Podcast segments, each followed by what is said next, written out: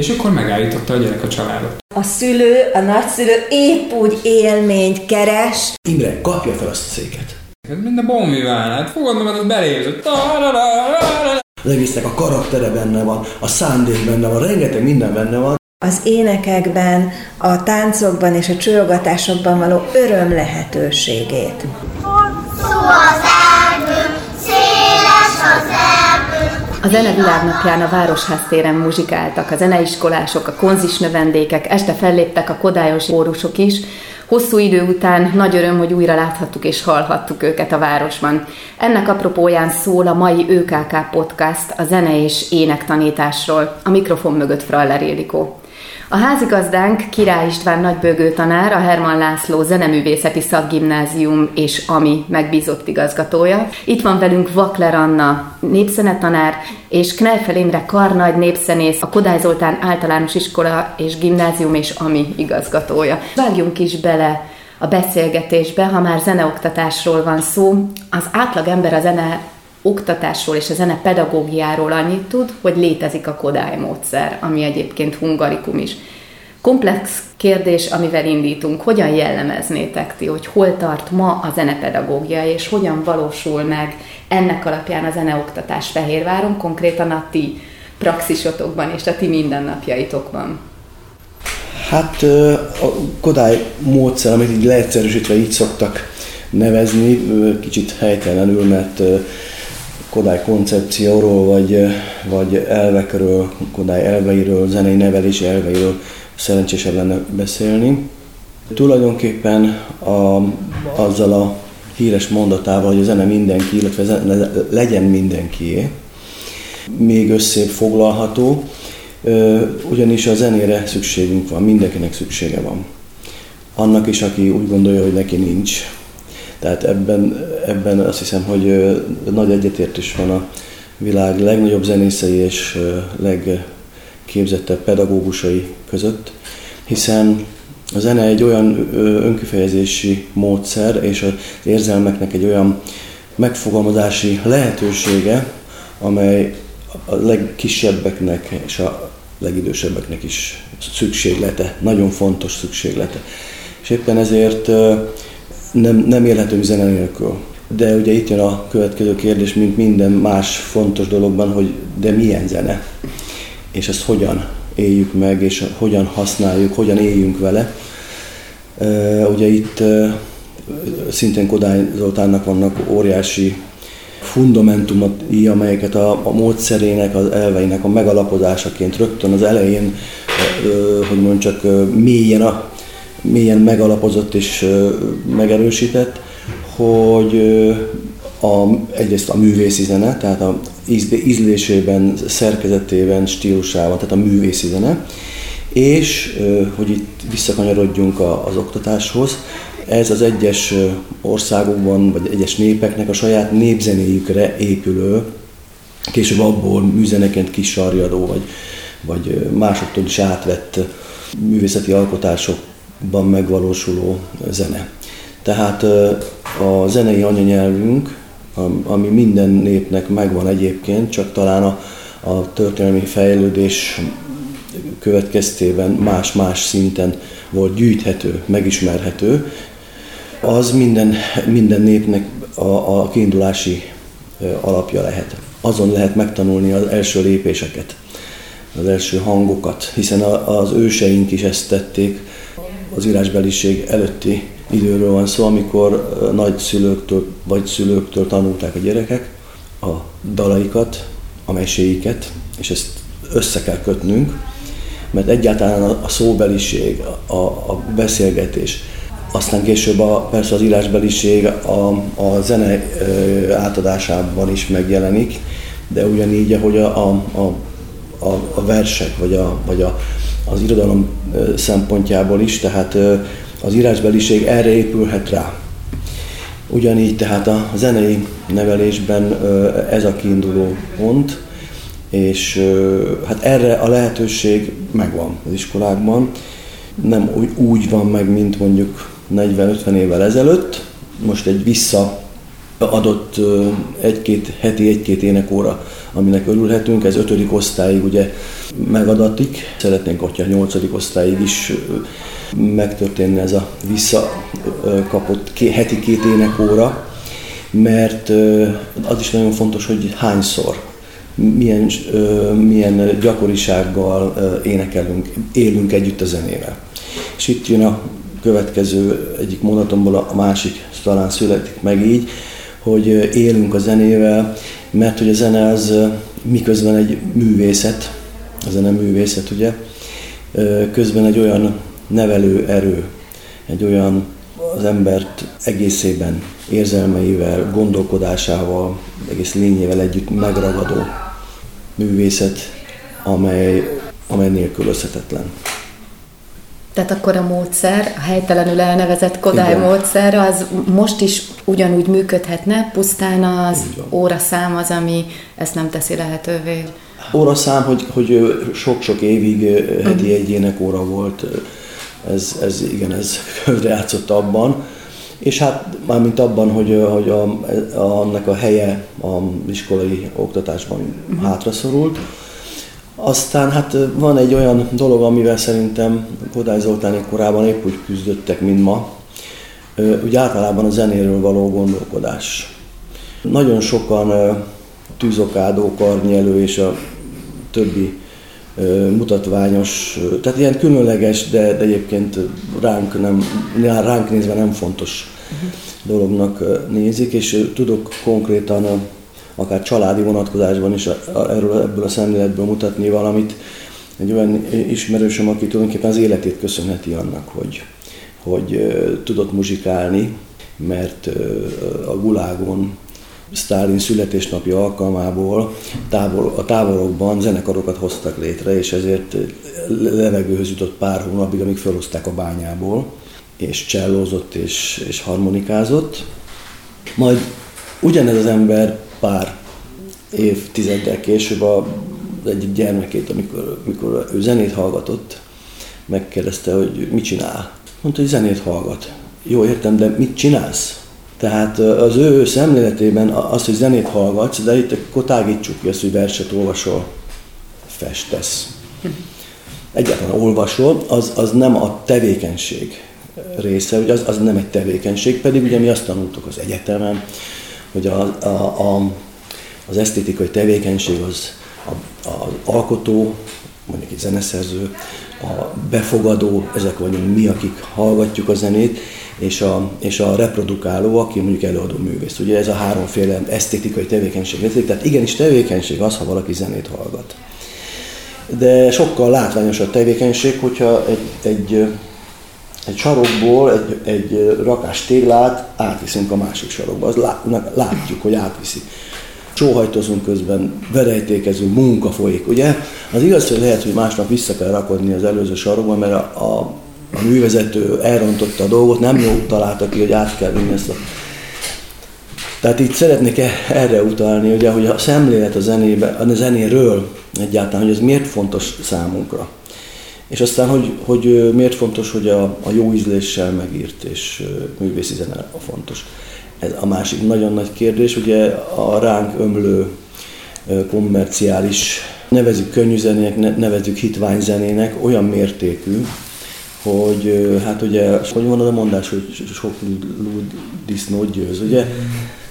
elvész a komoly zenének, a, a klasszikus szép zenének a hangja ebben a hangorkánban, ami ránk ömlik, és ez ezért nehéz, mert egy iskolában is, amikor egy szép zenét készülünk meghallgatni, és, és akkor előtte a témákat megismerjük, hogy mégis kicsit ismerősként hallgassuk majd a, zenét, akkor ha ezt fel akarja mutatni, meg akarja mutatni, meg akarja szeretetni egy énekzenetanár, akkor olyan dolgokkal kell versenyeznie, ami sokkal hangosabb, sokkal ö, csillogóbb, villogóbb, van is ez a kifejező csili-vili, ugye, és ugye ez mindig leköti a gyerekek, és nem csak a gyerekek, a felnőttek figyelmét is jobban. Tehát egyébként a mi érték az sosem harsány, sosem hangos és tülekedő. Úgyhogy éppen ezért na, elég nehéz helyzetben vagyunk, de én úgy, úgy, azt gondolom, hogy ugyanígy ilyen gondolatokat meg tudna fogalmazni egy, egy képzőművész tanár, egy dráma tanár, drámapedagógus is. A sok értéktelen körbevesz minket, és, és elnyomja a hangunkat. Ebben az áradatban megmutatni a gyereknek, sőt megszerettetni vele, hogy mi, mi a szép, mi az arányos, az ízléses, mi az értékes, ez igen nehéz dolog. Bocsánat, nem, nem tiszteletlenségből, csak annyi, hogy kicsit fiatalabb generáció vagyok, mert hát amikor, amikor ők ketten már tanárok voltak, én még ide jártam. Mert így van. Én onnan Tehát... névzenészként ismerem igen. az Istvánt, nem pedig, igen. nem pedig klasszikus zenészként. Van, van komoly múltam itt a zeneiskolában. Igen. Igazából, tehát én innen nőttem ki lényegében, mert azért 16 évig e- ezek a falak között éltem én is, és, és hát aztán egy varga betűvel, egy nagyobb kanyarral, meg, meg képzettséggel visszaértem. E, igazából én, ahogy látom a jelen, jelenkort, én azt tudnám megfogalmazni, hogy le kell lassítania, és meg kell állítani az embereket és a gyerekeket is. Meg kell állítani egy pillanatra. Vagy több pillanatra. A folyamatosan villódzó, és ezzel kapcsolódnék nagyon, hogy a, a csili és a folyamatosan villódzó dolgok között e, nagyon nehéz tényleg megragadni, megragadni a gyerekeket az értékes zenének. Amikor én jártam ide zeneiskolába, akkor, akkor más volt. Tehát ez a 80-as évek vége, 90-es évek voltak. Akkor is egy más generáció volt.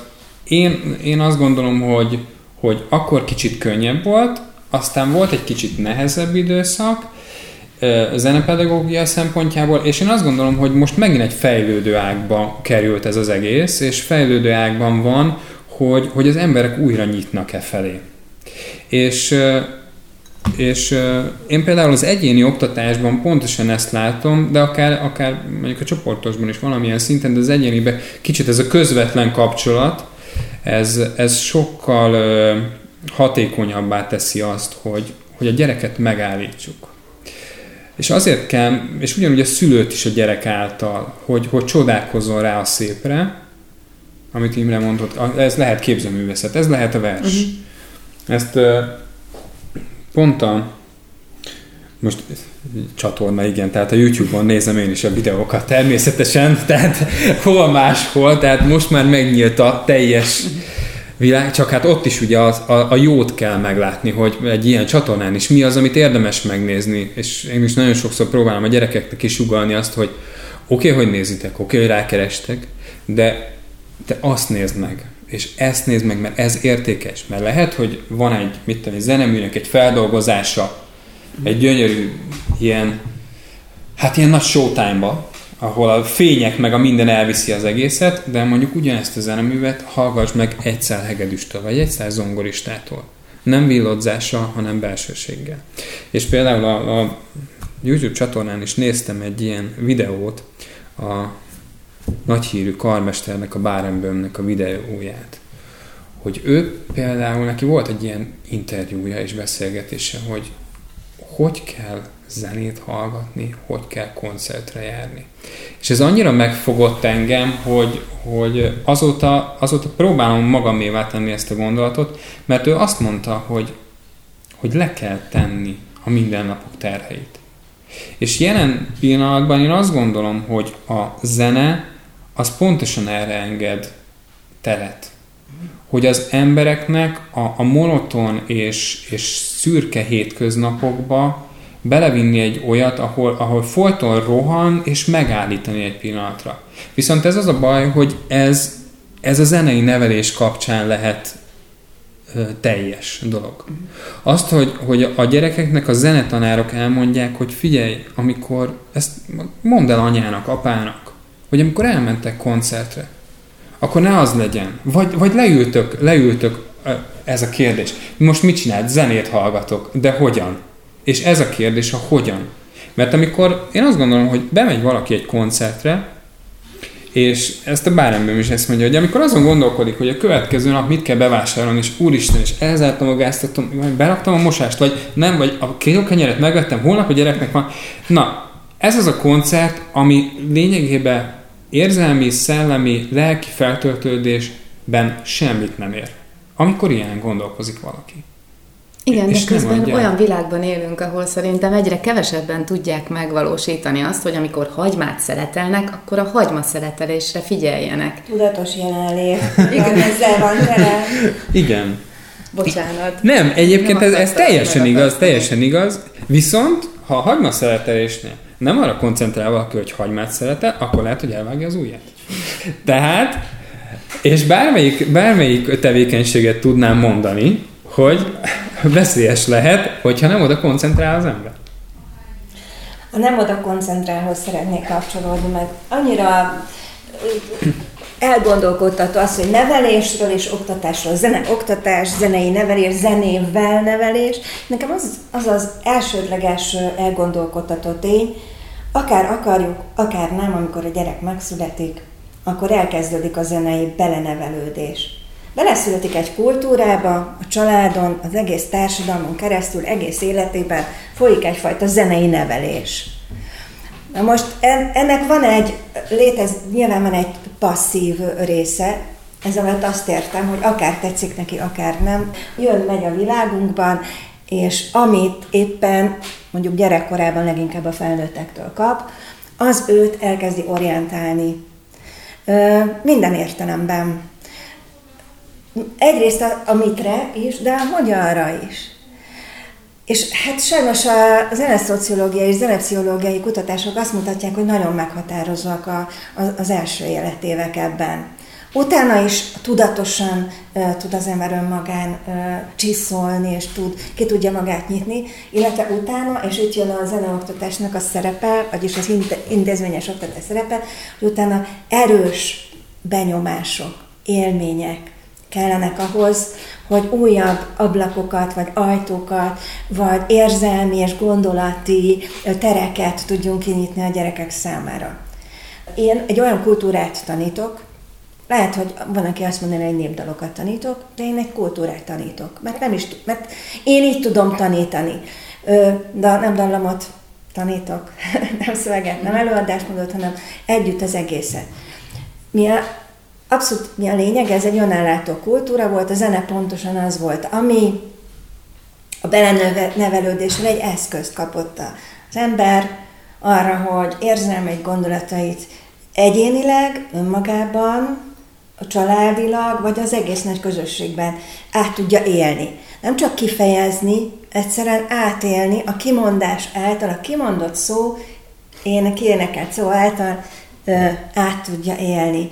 És ez, egy, ez, ez az egy, ma is az egyik zeneoktatási cél. Nagyon sajátos társadalmi fejlődés, hogy ehhez ma intézményekbe kell leginkább menni. Mert a belenevelődés során most, persze itt most nagyon ki kell javítanom magamat, mert mert hogy a, talán a 21. századnak ez a leg, legszebb története, zenei nevelési története, ahogy a kisgyerekkori zenei nevelés, a ringató program kapcsán, és hát annak mindenféle leszármazottja és rokon programja kapcsán újra kalibrálták. Azaz elkezdték megtanítani az anyákat, a várandós anyákat, ahogy Kodály is mondta, a, a, az anyákat, az nagyszülőket, az apákat, a családokat arra, hogy ezt születés után hogy, hogy, hogy kell csinálni. Na most nyilván az annak a gyereknek, vagy annak a fiatal szülőnek, akinek a saját életében, mondjuk egy Kodályban, vagy egy zeneiskolában volt olyan zenei élménye, hogy ő kapott ebből, az, az sokkal inspiráltabb, nyitottabb erre. De a legnagyobb élmény számomra pont Gróili való beszélgetésem, a, a ringatós Gróili való beszélgetésem nyomán az, hogy egyre többen olyanok is mennek ezekre a programokra, akikben a hiány teremtette meg azt az igényt arra, hogy ők megtanuljanak valamit Persze, mondhatnánk, hogy a gyerekeket nevelik ezzel, de azt kell, hogy mondjam, hogy én, ahogy láttam ezeken a foglalkozásokon, az, a szülő, a nagyszülő épp úgy élményt keres ebben. Egyrészt az együttlét élményét nyilván a, a kisgyerekkel, de másrészt a saját inspiráció ad neki egy olyan élményt, ami miatt visszatér. Tehát ezt példaként szeretném arra felhozni, hogy a zenei belenevelődésnek az értékorientáltsága ma is egy lehetőség, de tanítani, tanulni kell. A zeneoktatásnak az a része, ami mondjuk egy hangszeroktatás, vagy egy szakma elsajátítása, hogy idézőjelben mondjam, tehát a, a, a, annak a, annak a, a technikai oldala, a kifeje, a, az én és az eszköz közötti kapcsolat megteremtése, tehát az, hogy ki tudja magát valaki fejezni azon a hangszeren, azért az antikvitás óta vannak adataink, hogy mindig is volt ilyen zeneoktatás. Tehát ez nem különleges, hogy be kell jönni egy mesterhez, jelen esetben egy zeneiskolában nem különleges, hogy be kell jönni, megtanulni annak a hangszernek a leghatékonyabb elsajátítási módját. Jelzem a népzenében is, a, leszámítva mondjuk, a, mondjuk azokat a hangszereket, ahol az ember, az ember szinte önmagától is ki tudja találni, hogy hogy kell játszani, de azért, de azért mondjuk egy, a, a furujás pásztor gyerek megnézte, hogy az öreg hogy játszott, meg, meg a nagypapa citera játékát is el, elsajátította, és az lett a legjobb cimbalmos, aki, aki megkapta annak a lehetőséget, hogy valakitől tanuljon, nem beszélve a hegedűsről és a többiről. Tehát, hogy ez a mester és tanítvány, ez mindig is létezett, mint ahogy mindenben, a képzőművészetben is, az irodalomban is, a szónoklattanban is, a politikában is. Tehát ez egy abszolút emberi tényező. Az igazi nagy kérdés, hogyha a zenére nem mint szórakozási formára tekintünk, hanem egy átélés, érzelmi, gondolati átélési formára, átélési és kifejezési formára, akkor mi a szerepe a specializált intézményeken túl? Mi lehet a szerepe a családnak, a társadalomnak, és akkor még egy szó, mi lehet a felelőssége? Mi lehet a felelőssége ebben, hogy mit adunk? És azt, hogy megtanítjuk-e a mitet, hogyan kezelni. Én például most már megértettem, hogy én nem tudom egyszerűen kizárni azt, hogyha bemegyek egy én, ő, mondjuk kávézóba, és ott valami szól.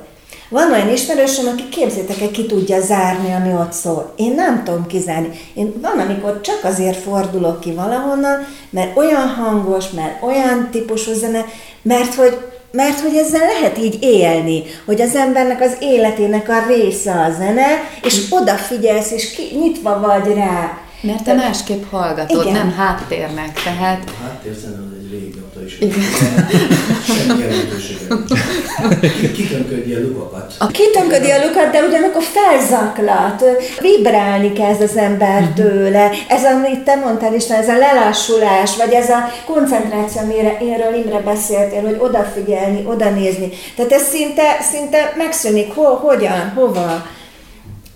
Tehát hogy az én, az, én, az én kérdésem, hogy egy gazdaságorientált berendezkedésben, mint amilyen a nyugati civilizáció, ahol, ahol igazából az eladások diktálnak, és arra van egy, valakinek, egy reklámszakembernek, egy menedzsernek, egy marketing szakembernek van egy elképzelése, hogy hogy lehet legjobban eladni, leggyorsabban most, akkor mit tud tenni, mit tudunk mi tenni, mit tudnak a családok tenni, mit tud a társadalom egészíteni, és mit tudnak az intézmények tenni. Az én válaszom, hogy az intézmények tehát, magyarul a zeneoktatás intézmények ma ellensúlyoznak. Amit István mondott, az valahogy azt jelzi, vagy a te tapasztalatod az, hogy elkezdődött valamiféle fejlődés, és nem tudom, hogy tudsz-e rá magyarázatot, vagy ti hogy látjátok Anna és Imre, hogy minek köszönhető ez? Az emberek szeretnének lelassulni, szeretnének Persze. visszatérni ezekhez a pontokhoz, ahol kicsit magukra tudnak figyelni, összpontosítani tudnak. Hát én nem tudom, hogy ők szeretnének lelassulni, de a, vágy megvan mindenkiben erre, er, ebben fogja a kezét a zenetanár például, aki segít rámutatni a, egy, egy csönd szépségére, és a csönd után megszólaló kultúrát hang gyönyörűségére. De ezt, ezt csak megfelelő ö, tisztelettel, figyelemmel és csöndben lehet egy kultúrát hangot úgy megszólaltatni, hogy ez másnak is feltűnjön. feltűnjön. De ez, ez, ez az, ami, ami ki tud égni a, a zenetanárból, hanem vigyáz a saját lelkére, mert ez egy olyan érzékenységet feltételez, amit át kell adni a gyereknek is. De ez az igény, ez, ez egyénileg generálódik az emberekben, vagy családokban, tehát alulról jön, vagy egyszerűen ez egy társadalmi jelenség, hogy most erre felé megyünk. Mit gondoltok? Én társadalmi jelenségnek mondanám. Meg is mondom miért. Egyrészt csatlakoznék annához, az, hogy a ringató és a szülők és, e, e, és a családból hozott e, kulturális nevelés, vagy zenei nevelés a csecsemőkortól. Nagyon sok olyat tapasztalok mostanában, hogy hozzánk jár egy 8 éves gyerek, két évig hegedül, és 10 éves, és jön az anyuka hogy szeretne beiratkozni hozzánk. Aztán. És ez most négy éve, négy éve vagyok itt igazából igazgatóhelyettes, és azóta több alkalommal fordult ilyen elő, hogy, hogy, hogy jönnek a szülők is most már. És ezért, ezért mondom azt, hogy változik a dolog, és igény van rá. Azért, mert a, az a korosztály, hát igazából az én korosztályom, meg talán egy kicsit fiatalabbak, a 30-as éveikben lévő kezdőszülők, most bocsánat, ez a generáció, most, most a 30-as években vannak a kezdőszülők, nem a 20-asba, ez ugye ahogy eltolódott. Én azt veszem észre, hogy, hogy a gyerek is nevel. A gyerek nevel, és sok esetben, amikor a, a 30-as szülő azt mondja, hogy gyere zeneiskolában, mert jó lesz, akkor lehet, hogy első körben a szülőnek a, az ő általa nem megvalósított vágyát ö, rakja rá a gyerekre. Ez most lehet jó is, meg elfogadhatja a gyerek, de lehet rossz is, mert hogy neki mondjuk gyerekkorában nem adatott meg. Vagy az ő szülei azt mondták, hogy nem menj zeneiskolába, ő inkább focizott len, ahelyett, hogy mondjuk trombita órán lett volna. De a saját gyerekét azt mondja, hogy menjél, mert jó lesz. És mondjuk eltelik két-három év, és azt mondja a szülő, hogy hát igen, egyébként nekem tizenévesen nem adatott meg, meg nem lehetett, meg nem erőltették, de most azért igencsak szeretnék.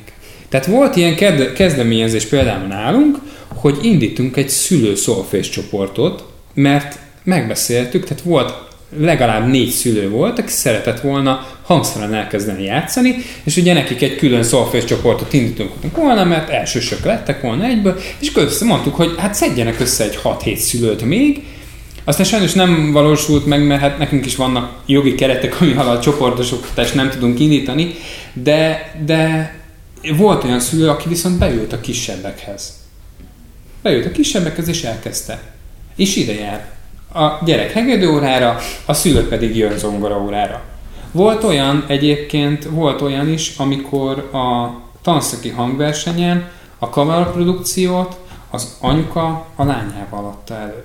Mert az anyuka is tanult valamikor zongorázni, és, és eljutott a lány is, a, a lány is arra a szintre, hogy ö, együtt tudjanak játszani. Én ezért mondom, hogy, hogy én fejlődést érzek ezen a téren. A másik pedig a, a lelassulás. Hát én azt gondolom, hogy jelen pillanatban a társadalom az pont e felé megy. Megnézhetjük akár a jogaórákat. Miért járnak az emberek jogázni? Miért járnak az emberek konditerembe? Tehát az ilyen nagy felkapott dolog, hogy konditerembe járni.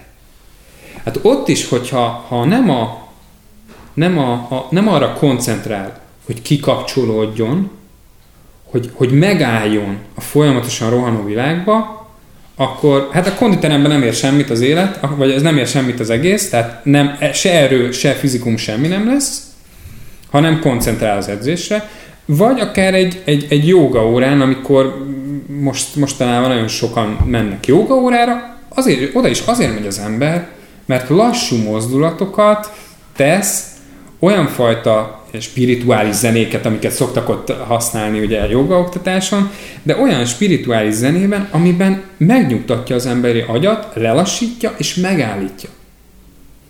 És az oktató is akkor éri el például ott is azt a fajta hatást, hogy az ember felfrissül, hogyha oda koncentrál maga a jelölt.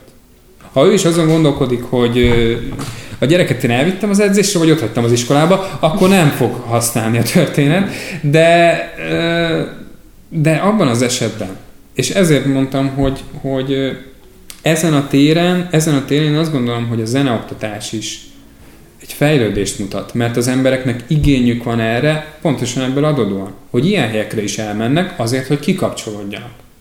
És jó, persze van az a réteg, aki foci meccsre el kikapcsolódni, és minél hangosabban, és minél jobban, tehát ez a réteg is megvan, de van, aki, akik nagyon sokan a nyugalmat keresik a kikapcsolódásra, és nekik ugyanolyan nyugalmat jelent egy koncert, ugyanolyan nyugalmat jelent az, hogy a gyerek x év tanulás után, de lehet, hogy már az elején is, odaümel és házi koncertet ad. Ha 5 perc, akkor 5 perc, de házi koncertet ad, és a szülő akkor arra figyel.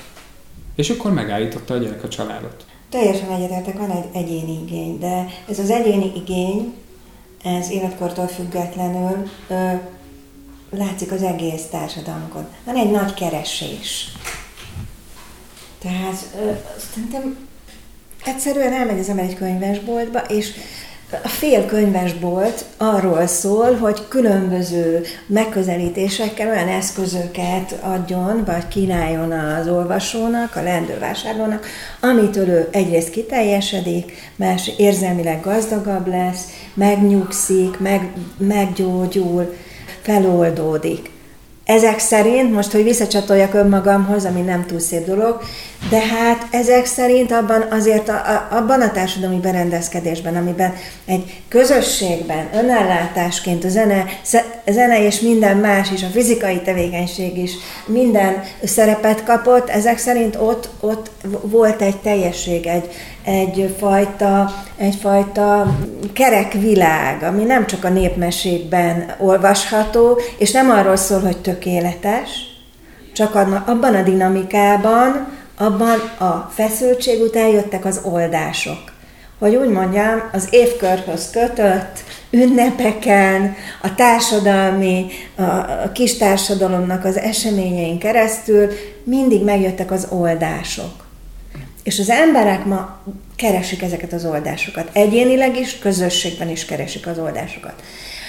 Ha belegondolok abba, hogy nekem van egy beiratkozott fiatal, rezidens orvosnő tanítványom itt a zeneiskolában, aki intenzív és anesztes rezidens itt a kórházban. Neki már volt egy megtapasztalás a gyerekkorában arról, hogy amikor ő járt énekelni, akkor, akkor neki volt, létrejött ez az oldás. És most ebben a feszített időben, amikor az orvosok tényleg minden nagyon-nagyon-nagyon-nagyon ott kell koncentráltan lenniük, neki szüksége van erre az oldásra. A másik dolog pedig, ami, ami bennem így folyamatosan ö, ö, működik, hogy vajon mi ezt a, ezt a szerepünket az elmúlt évek divatjához, hogy hozzád, hozzád is csatlakozzak, hogy van társadalmi ének, az elmúlt évek divatján túl tudjuk-e, tudjuk-e továbbvinni. Mi, ez, mi volt ez az elmúlt évek divatja? Ez az volt, hogy szülők azért vigyétek a gyerekeket zenélni, tanulni, meg énekzeneibe azért jársatok, mert az fejleszt. Ah. Majd jobb lesz a nyelvben, meg a matematikában, ami igaz sorra tele volt minden lap azzal, hogy az agykutató, a neurológus, a biológus, az etológus is, már mindenki erről beszél. Ennek az egyik apostol, a Frany Tamás az MTA jelenlegi elnöke volt, csak az ő komplex mondani valójából Sajnos csak azokat a részeket szokták általában idézni, ahol arra hívja fel a szülők figyelmét, hogy az agyban milyen ö, hosszú távú változásokat idéz elő, hogyha zenélünk, énekelünk, vagy ha nem, akkor milyen hiányok keletkeznek. De mondjuk Frany Tamás élete példája, ugye egy 60 év körüli emberről beszélünk, aki minden előadásában, tudományos előadásában céloz rá, és minden népszerűsítő előadásában, ő egész életében jelenleg is, jelenleg is zenél és ének, kórusban énekel, és jelenleg is zenél, hangszeren zenél. Hogy csinálja jó? Tehát mondjuk Frany Tamás lehet mondani, hogy egy kiemelkedő képességű zseni, aki a fantasztikus felelősségteljes munkája mellett azt mondta, hozott egy döntést, és én ebben látom a lényeget, hogy ma ahhoz ilyen egyéni és családi döntéseket kell hozni, ha az ember rászánja magát erre, hogy zenéjen, énekeljen, és azt mondjuk egy közösségbe tegye az Imre kórusában, vagy az István zenekarában, tehát nem csak a koncertre kell rászánni magunkat és döntést hozni, hanem az aktivitásra is. Egyfajta elszánás, elszánás kell. Nyilván a Frany Tamás egyszerűen hozott egy döntést, és amellett a döntés mellett kitart, mert hisz benne. Részben mert megtapasztalta ezt, ahogy az én Cifre Cecília tanítványom is, a, az orvosnő, aki a, azt mondja, hogy, hogy ő megtapasztalt valamit, és ez neki fontos, és ráadásul még ezt így végig is gondolja, hogy ez hosszú távon is fontos. Most a kórus mozgalom, vagy a műkedvelő zenekari mozgalom, ami, ami azért a 20. századot meghatározta. Szóval, és, és hát ha kicsit nyugatabbra megyünk, Ausztriába, Németországba, ott azért még mindig vannak a műkedvelő zenekarok, tehát, tehát a hangszeres zeneoktatásban is ez egy, ez egy, ez egy, ez egy lehetőség, fúvós zenekarok, stb. Nekünk ez egy nagy kérdés, hogy mi ezt újra tudjuk-e élénkíteni, ezt mi, ezt mi, ennek új lendületet tudunk-e adni, vagy a társadalom új lendületet tud-e adni? Annak, hogy a kórus mozgalom újra, a zenekari mozgalom újra, a felnőtt élethosszig való élmény, nem a tanulás csak, hanem a, a tanulás is, de hogy az élményt, azt, azt, azt így rendszerszerűen és napi szinten megkapja egy közösségbe. Most én azt érzem, hogy, hogy ennek azért megvannak ma az anyagi forrásai, viszont közben ez a 30 év, ez új új, más dolognak adott új lendületet. Tehát a gyorsan és könnyen elérhető pillanatnyi oldások, oldásnak tűnő impulzusok mondjuk az interneten keresztül. Hát azért lássuk be. Tehát bekapcsolom, pak, pak, pak, pak, pak, elméletileg, az ad, épp én is megtapasztaltam. Nekem is vannak ilyen óráim, fél óráim, hogy, hogy ad, igenis tényleg ad pillanatnyi oldást, pillanatnyi élményt, pillanatnyi felüdülést, vagy pillanatnyi információt. Mármint a gépzene. Nem a gépzene, hanem a kattintgatás. A kattintgatás. az egy másmilyen zene, de. Kattintgatás. Hát mert ha belegondolok, hogy mivel tölt az emberek a szabadidejüket, ugye az, az emberek, ha van ilyen, mi, mivel töltik, tehát hogy én elismerem, hogy ma azért ebben az új ha, ö, kialakult digitális világban vannak ö, egyéb új oldások, ami régebben nem volt, vagy nem így volt jelen. De annak az értéke, ami, amit azért itt az amatőr felnőtteknek szóló mozgalomnak jelentettek a 20. században, szerintem az nem, nem avulhat el. Az egyéni döntésről beszélt, hogy mindenkinek az egyéni döntése, és Frany Tamással példáloztál.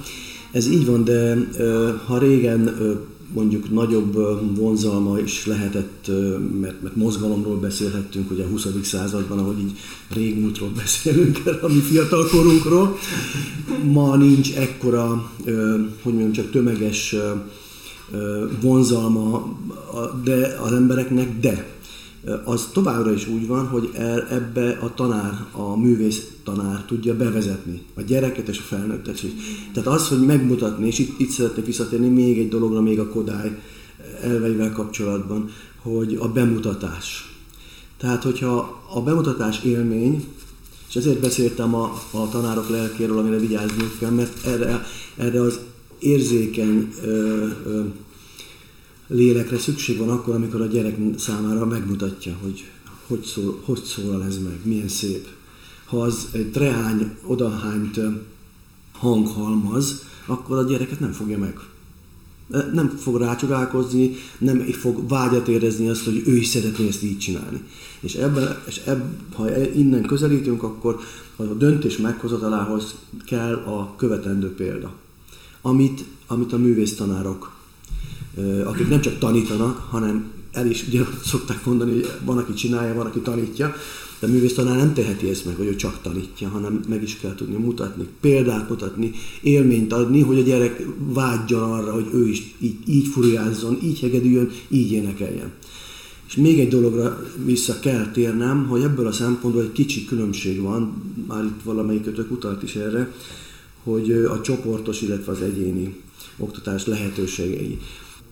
Ez egy az iskola szerkezetéből fakadó, megöröklött dolog, jó van ez így, szeretjük is, de más azokra a gyerekekre nézve, akik mondjuk így ki a tehetséggondozás keretében, ugye, pont a, a nagyon személyes, maximum két személyes óra, órákon, ugye, mindenről beszélhetnek, minden kis rezdülést megfigyelhetnek, akár több oldalról is kipróbálhatják, ha nem úgy megy, akkor máshogyan a tanár ebben segít, mert megmutatja, mert bemutat, ugye?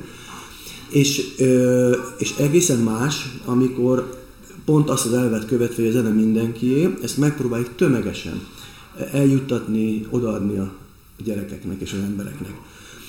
Ezzel a gondolatával egyébként Kodály Zoltán egy, egy olyan lehetőséget világított meg és nyitott ki, egy kaput, ami mondjuk ki, hogy azoknak az embereknek is előrhetővé teszi a zenét, akikről tudható, hogy nem lesznek zeneművészek. Tehát lehet mondani, és ez mondjuk az általános zenei műveltség, a zenéhez való ö, kapcsolat, ez egy tömeges ö, minőségi megfogalmazás igazából. Míg mondjuk egy, egy gyerekről, aki, persze tudom, zeneiskolában is van tehetséges és kevésbé tehetséges gyerek, de azért azok, akik, akik ott szólisztikusan próbálkoznak, azok, azok egyrészt sokkal nagyobb erőfeszítést tesznek, tehát gyakorolnak, ugye külön, kül, nem így is mondják, külön órára járnak, ugye, tehát ők külön erőfeszítéseket tesznek, nagyon sokat dolgoznak, gondolkodnak rajta, gyakorolnak, és ezt tulajdonképpen tömegesen megtenni, ez egy egészen más feladat és egy énekzenei általános iskolában is más feladat, ahol erre mondjuk legalább a heti négy énekzene óra és a két kórus adatik, meg egy általános iskolában, ahol mondjuk csak hatodik osztályban heti egy óra adatik, ahol, ahol tulajdonképpen lehet, hogy egy, egy, egy, egy zeneműben picit bele tudnak pillantani, belehallgatni, de annak elégnek kéne lenni ahhoz, hogy a gyerek kedvet kapjon ahhoz, hogy esetleg otthon meghallgassa a teljes művet, vagy elmenjen egy hangversenyre. És itt például óriási szerepe van azoknak a hangversenyeknek, amelyeket itt a városban például a szimfonikus zenekar szervez színházban, ugye? Ahol, ahol a gyerekek például, ha jól vezetik azt a műsort, megtanulnak csöndben lenni, mielőtt a zene megszólal, ha jól vezetik a műsort, megtanulnak zenei gondolatokra, érzelmekre odafigyelni, közben stílus tanulnak, az ízlésük fejlődik, hogy kell viselkedni egy hangversenyteremben, még ha nem is az, hanem színház rengeteg minden, tehát a nevelés, ha csak ezeket nézzük, ezen a szintéren is megvalósul. De hát mondjuk a, az erkölcsi megfigyelések és az erkölcsi hatások, tehát a zene, a jó zene, az sosem hazudik. És ezt, ezt így közvetlenül is megfigyelhetjük, de számtalan közvetett élmény éri a zenehallgatót, ami, ami beépül, talán meg se tudja fogalmazni, mint ahogy én is nehezen küzdök a szavakkal. Tehát ez rengeteg mindent jelent, és ez, ez bizony a zenészek és a zenetanárok, a művésztanárok felelőssége és feladata.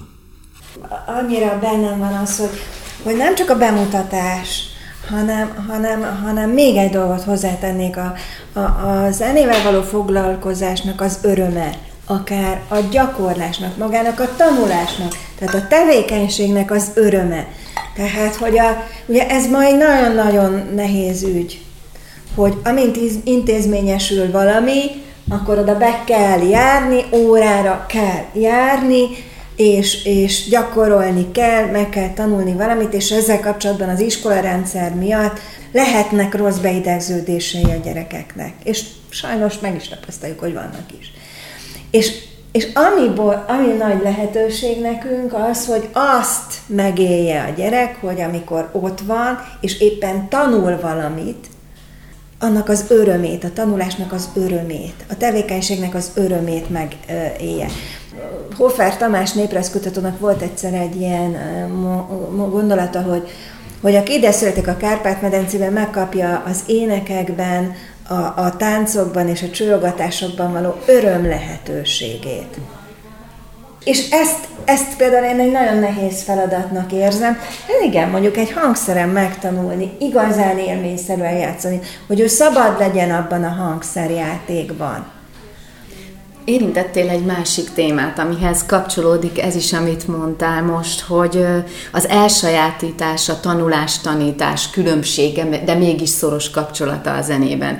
Én úgy tudom, hogy például az idegen nyelvtanítás mai modern módszerei megpróbálják lekövetni azt a modellt, ahogy az, a nyelv elsajátítás folyik. Tehát van egy ilyen törekvés. Ez lehetséges a zenében? Mert ugye az elsajátításban megvan az a, az a, az a rögtönzöttség, az az ösztönösség, egy teljesen más folyamat. Említettétek azt a megfigyelést, amikor a pásztorokat figyelték, akár vagy a hegedűsöket, szóval, hogy ezt a mai zenetanítás meg tudja csinálni, akár a csoportos, akár a, az egyéni zeneoktatásban, vagy abszolút szét kell választani, mert valóban nincs annyi idő egyszerűen. Hát az elsajátítás az hosszabb idő. Idő és hatékonyság, ez ma uralja a mi életünket, hogy valamit gyorsan és hatékonyan és úgynevezett szakszerűséggel ö, oktassunk, és innen jön a zene oktatás. Tehát a hatékonyság is kulcs szó, hogy ennek Abszolút. eredményesnek kell lenni, produkálni de, kell, hozni veszélyes, kell. Veszélyes utca, mert pont megint csak a, a lelassulással, de ez nem egyfajta elhűlést jelent, de lelassulás hanem a, a, az érzelmeink kinyitásának a lehetőségét, tehát hogy ráhangolódjunk egy műre, és ez tényleg bármilyen mű lehet, csak jó mű legyen. E, erről van szó, és nem szabad az időt sajnálni ettől. Mert, mert pontosan, amire utaltál, tehát azt a bemutatást, amihez idő kell és csönd kell, továbbra is ezt hangsúlyozom, előtte csönd. Beethoven mondta, ugye, sokszor idézik, hogy a legszebb zene a csönd vagy a szünet, ugye. Persze ő egy olyan drámai szünetre gondolt, ami az azt követő, vagy az azt megelőző zenei részt értelmezni segít, ugye. De valóban nagyon fontos, és itt nem szabad sajnálni az időt, és e- ezért óhatatlanul ez azzal jár bizony, mint a jóga is, hogyha ezzel foglalkozni akarok, hogyha szeretném, hogy áthasson, hogy hasson rám, hogy engem gazdagítson, akkor erre időt kell szánni. És éppen ezért ez örök küzdelem ma is persze, így van, mert a közben ott van a, a, a mérleg másik oldalán, hogy hat, elég hatékony ki milyen gyorsan tud megtanulni, nem tudom milyen tempóban ö, ö, skálázni, most csak mondok egy ilyen rideg példát, és ebből a szempontból kicsit, kicsit veszélyesnek tartom azokat a tehetséggondozó tévéműsorokat, ahol szerencsére, szerencsére a zsűrik nagyon, hogy mondjam, csak jó ízlésű és bölcs vélemény nyilvánításai segítenek kordában tartani a dolgot, tehát nem dobják, dobják a lovak közé egy mert időnként el-elszalad ez a dolog ugye a virtuózitás irányába, és ez az megint az ugyanaz a csili hogy mondjam, csak oldal, ami, amitől én óvnám a zenét.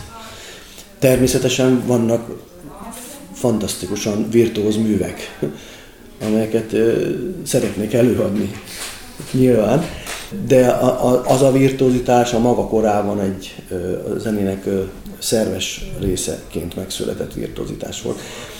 Én most az üres virtuózitásról beszélek, ami, ami időnként felüti a fejét ezekben a tehetséggondozó műsorokban, és hogy az a jó, aki minél gyorsabban. Nekem is voltak ilyen zenész kollégáim, akik neki volt a legmélyebb hangja, ő tudta leggyorsabban zongorázni, és erről a szovjet óra jut eszembe, hogy a szovjet óra a legnagyobb, a legfényesebb és a leggyorsabb.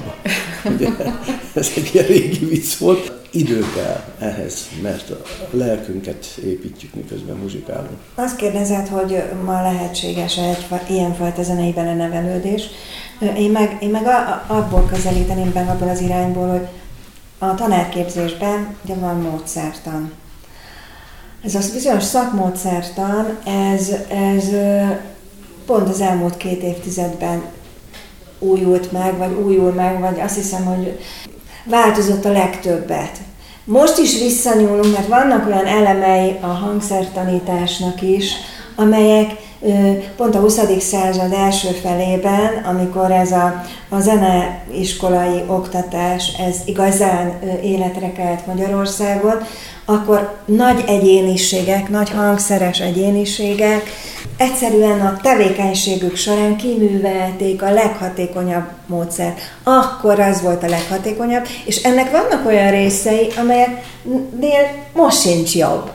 Tehát, hogy időtálló, abszolút. Egyébként jelzem, hogy ezek a módszertanok mind visszanyúlnak az antik kor, korig, az antik kor zene tanulásának a filozófiai mélységéig. Tehát ez annyira átgondolt volt, a 20. század első fele annyira termékeny volt ebből a szempontból.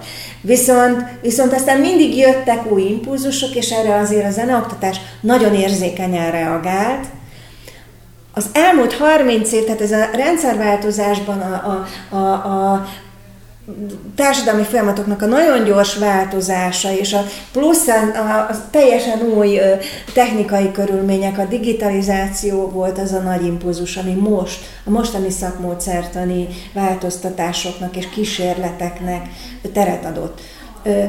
Ami nagy különbség, hogy sokféle módszertan van ugyanarra a dologra, sokféle megközelítés. Szinte már az ember, most az én korosztályom, az ötvenesekre gondolok, akik azért igye, tehát igyekszünk követni a, a, azt, hogy, hogy mi történik a szakmában, és nagyon nehéz követni. El kell tudni fogadnunk azt, hogy nincs egy jó módszer, hanem vannak nagyon jó módszerek, nagyon, vannak nagyon jó kezdeményezések, vannak nagyon jó gondolatok. Azok a legszerencsésebbek, amelyek rendszer szintűek, tehát nem egy ötleten alapulnak csak, bár azt gondolom, hogy az ötleteket is be lehet építeni, és itt jön a lényeg, hogy amit Imre mondott, hogy egyéniségek vannak, tanár egyéniségek vannak, tanári alkatok vannak, tanári beállítódások vannak, akiknek meg kell találni azt a saját módszert, ami, amivel a legjobban, leghatékonyabban tudnak, legemberibben tudnak, legrugalmasabban tudnak tanárként létezni. Ugyanakkor az egyéni oktatásban viszont ott van a másik oldal is, nem csak a tanár egyéniség, a gyerek is egyéniség. Tehát ugyanannak a tanárnak sokszor egy másik gyerekhez egy másik módszert kell választani.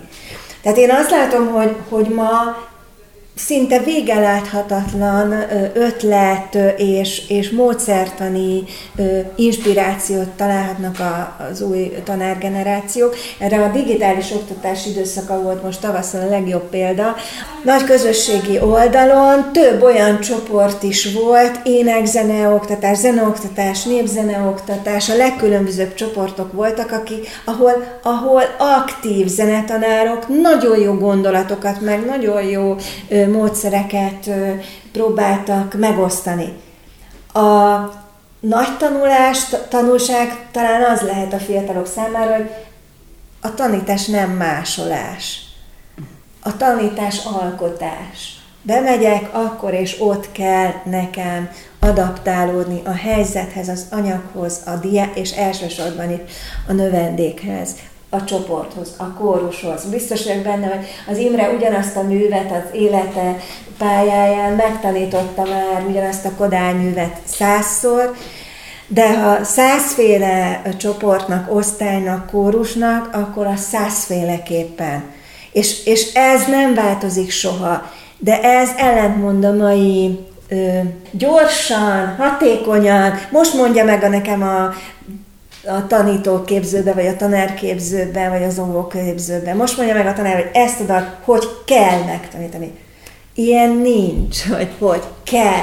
Meg lehet ennyiféleképpen, neked kell egy alkotó embernek lenni, aki ezt képes használni.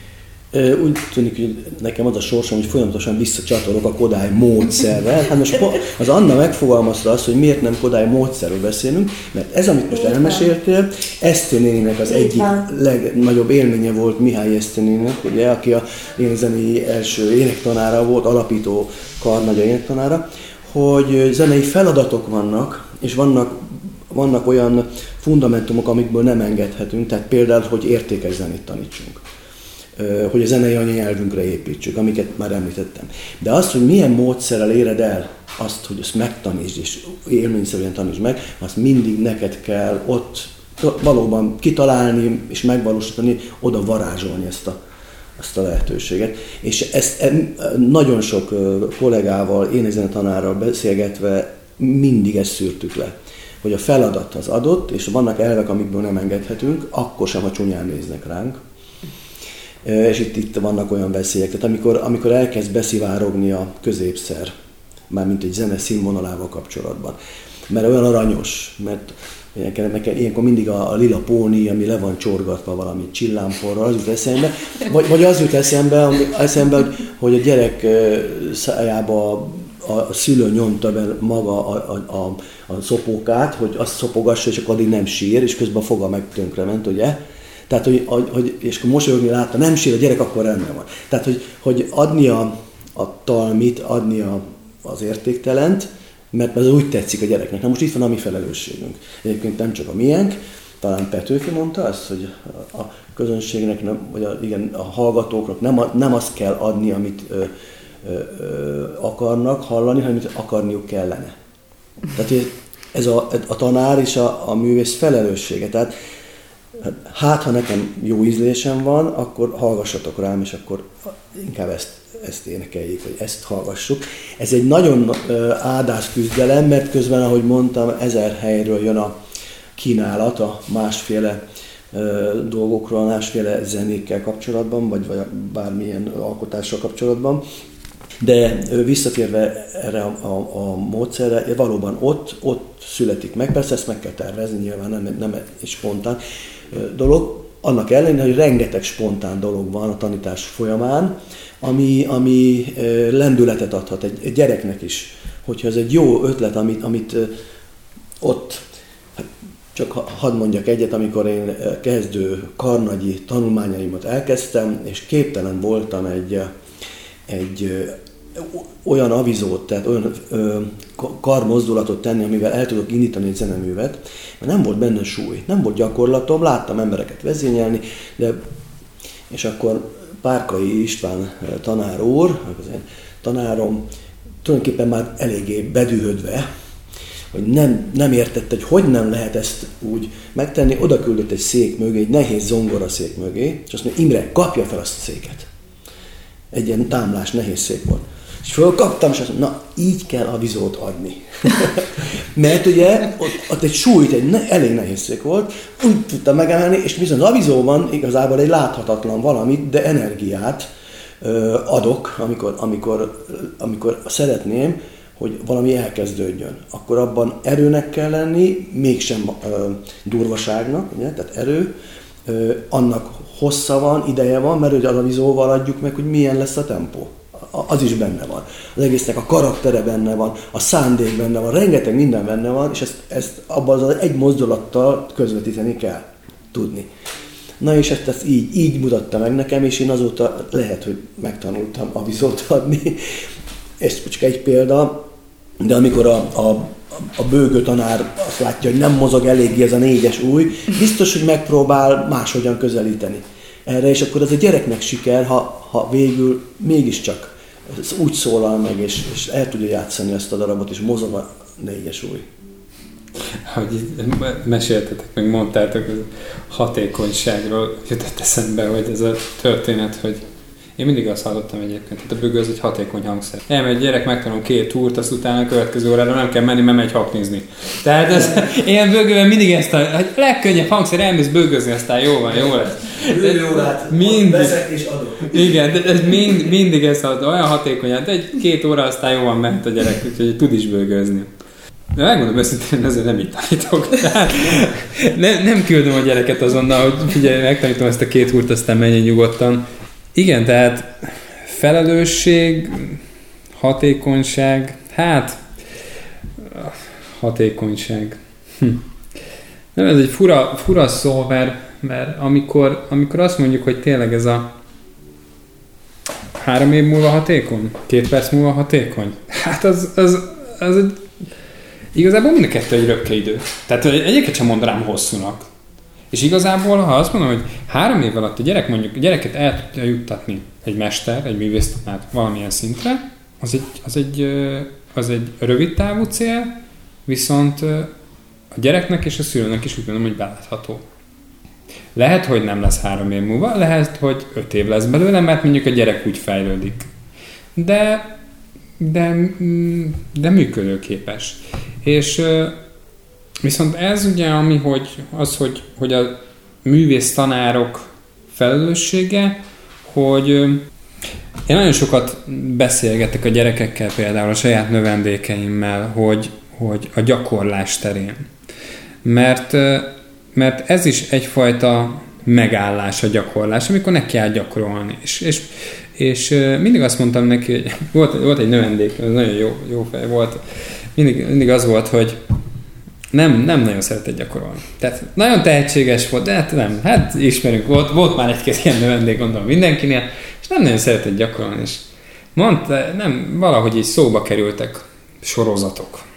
Hát, ah, nehogy néz, nézzünk otthon mini sorozatokat. Mondom, jó, figyelj, mondom, tudod mit csinálj? A sorozat elején van a felvezető, meg mondom, van a stáblista. Mondom, azt a kettő időt gyakorolt. És nem tudom, hogy honnan jött, nem tudom, hogy honnan jött, tehát ez is, ez is a, a, a, a spontaneitás, a pedagógusi spontaneitásnak a dolog. Soha nem hallottam ilyet, hogy valaki ilyet mondott volna, hogy a sorozat főcímzenéje alatt, meg a stáblista alatt gyakorolja, és elkezdett gyakorolni a gyerek. Tehát valahogy tényleg így mondtam neki, hogy csak arra az időre vett föl. És, és akkor megnézett, megnéztek a családdal, mit tudom, hát négy részt, az mondjuk a gyereknek napi szinten egy fél óra gyakorlást jelentett. Akkor azt mondom, hogy elértem azt a célt. És ez egy teljesen spontán dolog volt. Hát a módszerhez kellett. igen, igen, tehát a gyerekhez idomolni, és, és valahogy meg...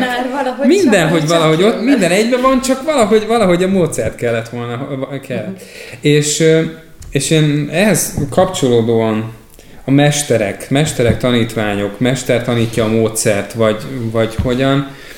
Én például a jelen zenepedagógusok között nagyon sokszor azt látom, hogy, hogy olyan jó dolognak gondolom azt, most előjött a zenepedagógiában, meg gondolom annó is volt ez a mentorálás, mentorkodás, tehát hogy a fiatal zenepedagógusokat felkarolva, mentortanárként ott van valaki mellette, és, és ahogy megfigyelheti, hogy hogy tanít a mester, hogy tanítanak azok, akik már évek óta tanítanak. És nekem is egyébként a saját pályámról is ezt tudom mondani, hogy, hogy több mestertől tanulva, a több mester módszerét ből kiválasztva azt, amit én magamévá tudtam tenni, azt tudja egy zenepedagógus átadni. Csak hát ugye ez a kérdés, hogy egy-egy zenepedagógusnál, vagy egy-egy művésznél hányfajta módszert ismert meg. Mert van, akit éveken keresztül egy tanár tanít, van, akit tanít tíz tanár, és akkor a tízféle módszerből tud összegyúrni. És nekem például ez a bemutatásra például a, a én Budapestre jártam a Weiner a zeneművészetibe három évig, mert én igazából ilyen tévejedett bárány, bárány Varga betűvel, Varga betűvel, én 23 évesen elmentem konziba, felnőtt fejjel, hogy akkor én most akkor is zenész leszek. Aztán ez a vége, hogy zenész lettem. De én oda jártam, és az ottani tanáromtól nagyon sok mindent tanultam, rengetegféle módszertani dolgot, amire ugye természetesen ugye az egyetemen lévő pszichológiai és pedagógiai tanulmányokban így, úristen, hát ő így tanított, hát Jézusom, hát itt meg, itt meg ezt tanítják, hogy így kell tanítani. Hát akkor milyen, milyen szuper dolgom volt nekem, hogy én attól tanulhattam, aki, aki tudja ezt, és meg tudja úgy tanítani. És ez a bemutatás kapcsán is, hogy, hogy őnála is mindig az volt, hogy egy-egy művet mindig azzal, azzal amikor egy nagybőgő versenyt tanultunk, és mindig azt mondta, hogy úgy kell művésznek, ez mind a bonvivál, hát fogod magad, az belépsz, hogy és elkezdett énekelni, és, és, és, és az, hogy harsány volt, nem volt halk harsány volt, viszont tudtam. Tehát ez a székfelemelős történet, hogy egy ilyen nagyot kellett, egyetlen egy dolgot, és azonnal tudtam, hogy mit kell csinálni. És persze be is mutattam, mivel tátva maradt mindig a szám, és mindig azt mondta, hogy na jó van, tehát megmutattam, de figyelj, ennél csak jobban lehet ám, csináld. És én meg kb. azt tudtam, hogy hova fogjak, mert azt mondtam, hogy de hát én hogyan csináljam meg ezt a dolgot, hát ezt a fajta technikát én hogyan vigyem át a bőgőre. És aztán, és aztán persze az évek során megértettem, hogy, hogy, hogy mi az, amit tanított nekem, mi az, amit átadott, és, és, és hogyan, hogyan tudtam ezt a saját pedagógiámba beépíteni. Most pár év, pár év kapcsán nem mondom, hogy sikerült, mert nem, nem mondom, hogy sikerült. Én azt mondom, hogy, hogy a lehetőség megvan, és, és a saját, hál' Istennek van lehetősége, mert vannak saját növendékeim, most már évek óta, és, és tudom nekik ezt a fajta dolgot tanítani. És úgy gondolom, hogy veszik is, veszik is alapot ebből az egészből.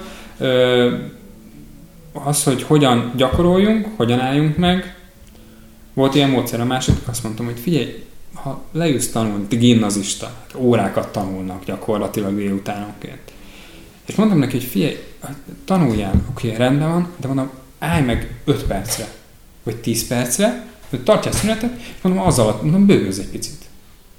És, és mondom, hidd el, kikapcsol egy pillanatra, és lehet, hogy az adott problémát, ez most ez a nem művésznek való nevelés része. Tehát az, amikor segítünk, a, segítünk másnak is. Ami persze szintén szerepe a zenének, mert ezt kutatások is mondják. Lélekmentés. Tehát ez, de, de, de ez ugyanaz, amikor ugye lekapcsol egy picit, picit az agy, és megáll valami. Pont ezért nem szabad kilóra mérni a hatékonyságot a zene esetében. Tehát ezt, ezt Meg persze. Ne, nem, az a, nem az a hatékonyságnak a, a ismérve a zene esetében, hanem, hanem amit például most mondtál, hogy, hogy, hogy a lelkére tud-e hatni, tud, tud-e olyan szépen megszólaltatni egy hangot, hogy az másnak is tetszen például. Tud-e együtt működni mondjuk itt három vonos hangszer esetében, micsoda csapatmunka, mekkora figyelem, milyen intelligencia kell ahhoz, hogy, ahogy az Anna mondta, hogy nem csak hangokat tanít, vagy külön verset, hanem az egészet egybe. Na most, hogy egy zene, amikor megszólal, mi minden van ott egy, együtt. Ugye on, ott nagyon szépen leírja ezt Forrai Katalin az óvodások esetében. Amikor a, a bár ezt nem ő mondta a, a érzelmi intelligencia kérdéskörét, ott nem feszegeti, de arról beszél végig, hogy amikor egy gyerek, egy gyereket bevesznek a körbe egy öt éves kis öcsköst, faluhelyen, a, a nagy lányok, na gyere, most már elég nagy vagy, jöhetsz velünk énekelni, mi mindenre kell figyelnie. Tehát először is ugye magát az, az éneklést, ami zene, aminek ritmusa, tempója van, dallam hangok vannak, verse van, stb. Ez, ez így egybe. Közben a kört azért valahogy tartani kéne, ha nem akarja, hogy eltapossák, vagy rálépjen az előtte haladóra. Szabálya van a, annak, a dal, annak a gyerekjátéknak, ugye akár még valami versikét, mondokát is kell, vagy, vagy kapuzni kell, közben térforma van, koreográfia, hogy így mondjam. És most még nem is mondtam el minden. Most ezt mindezt úgy, úgy ö, éli meg, hogy közben nem izzad, nem, nem retteg, hanem játszik. Tehát ennyi mindenre kell figyelni, ennyi mindenre figyel is, és megtanul alkalmazkodni, megtanul csapatban hogy így mondjam, majd divatos szóval, hogy működni, együttműködni. Tehát amikor, amikor egy, egy, egy zene ilyesmikre, nek a fejlesztésére képes, akkor, akkor megértjük azt, hogy miért, miért van olyan nagy hatással ránk, és nem lehet elég időben elkezdeni valóban. Mert a legnyitottabb, legfogékonyabb korunkban, egész kicsi korunkban kell, hogy ez elinduljanak ezek a dolgok, ezek a fejlődések, és a zene ennyi mindenben tud, vagy még többen is segít. Olyan jó, hogy, hogy, hogy végül is csak kiukadunk oda, ami, ami az emberi életnek a lényege, eszenciája, ez, hogy, hogy, hogy partnerség, ami, ami minden értelemben jelen van ebben, és hát a bizalom, a bizalom, a, abban a közös munkában, a zenélésben, minden eleme iránt, a zeneszerzőtől a meg, megszólaltatásig, és hát alapvetően a, a, a, a gyerekkel való bizalom és a szeretet.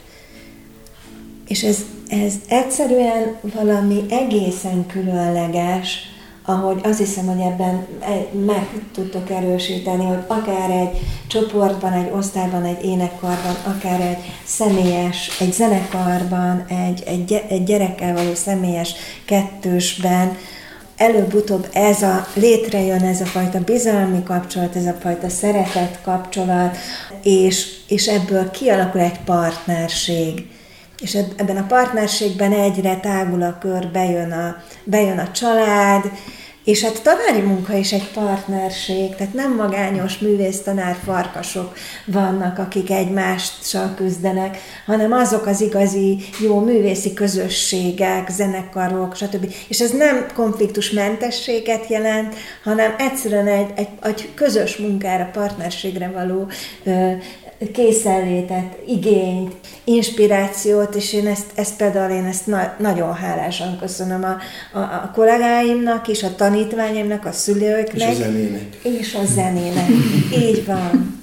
Azt hiszem, hogy ennél nagyszerűbb és örömtelébb végszót nem adhatnánk ennek a beszélgetésnek, bár bevallom őszintén, hogy számos új ablakot nyitott az én fejemben, meg a lelkemben mindaz, amit elmondtatok, úgyhogy szeretnélek megkérni benneteket, hogy folytassuk, és engedjétek meg, hogy ezt az órát, ezt egy Varró Margit mondattal fejezzem be, és ezzel szeretném nektek megköszönni ezt a beszélgetést.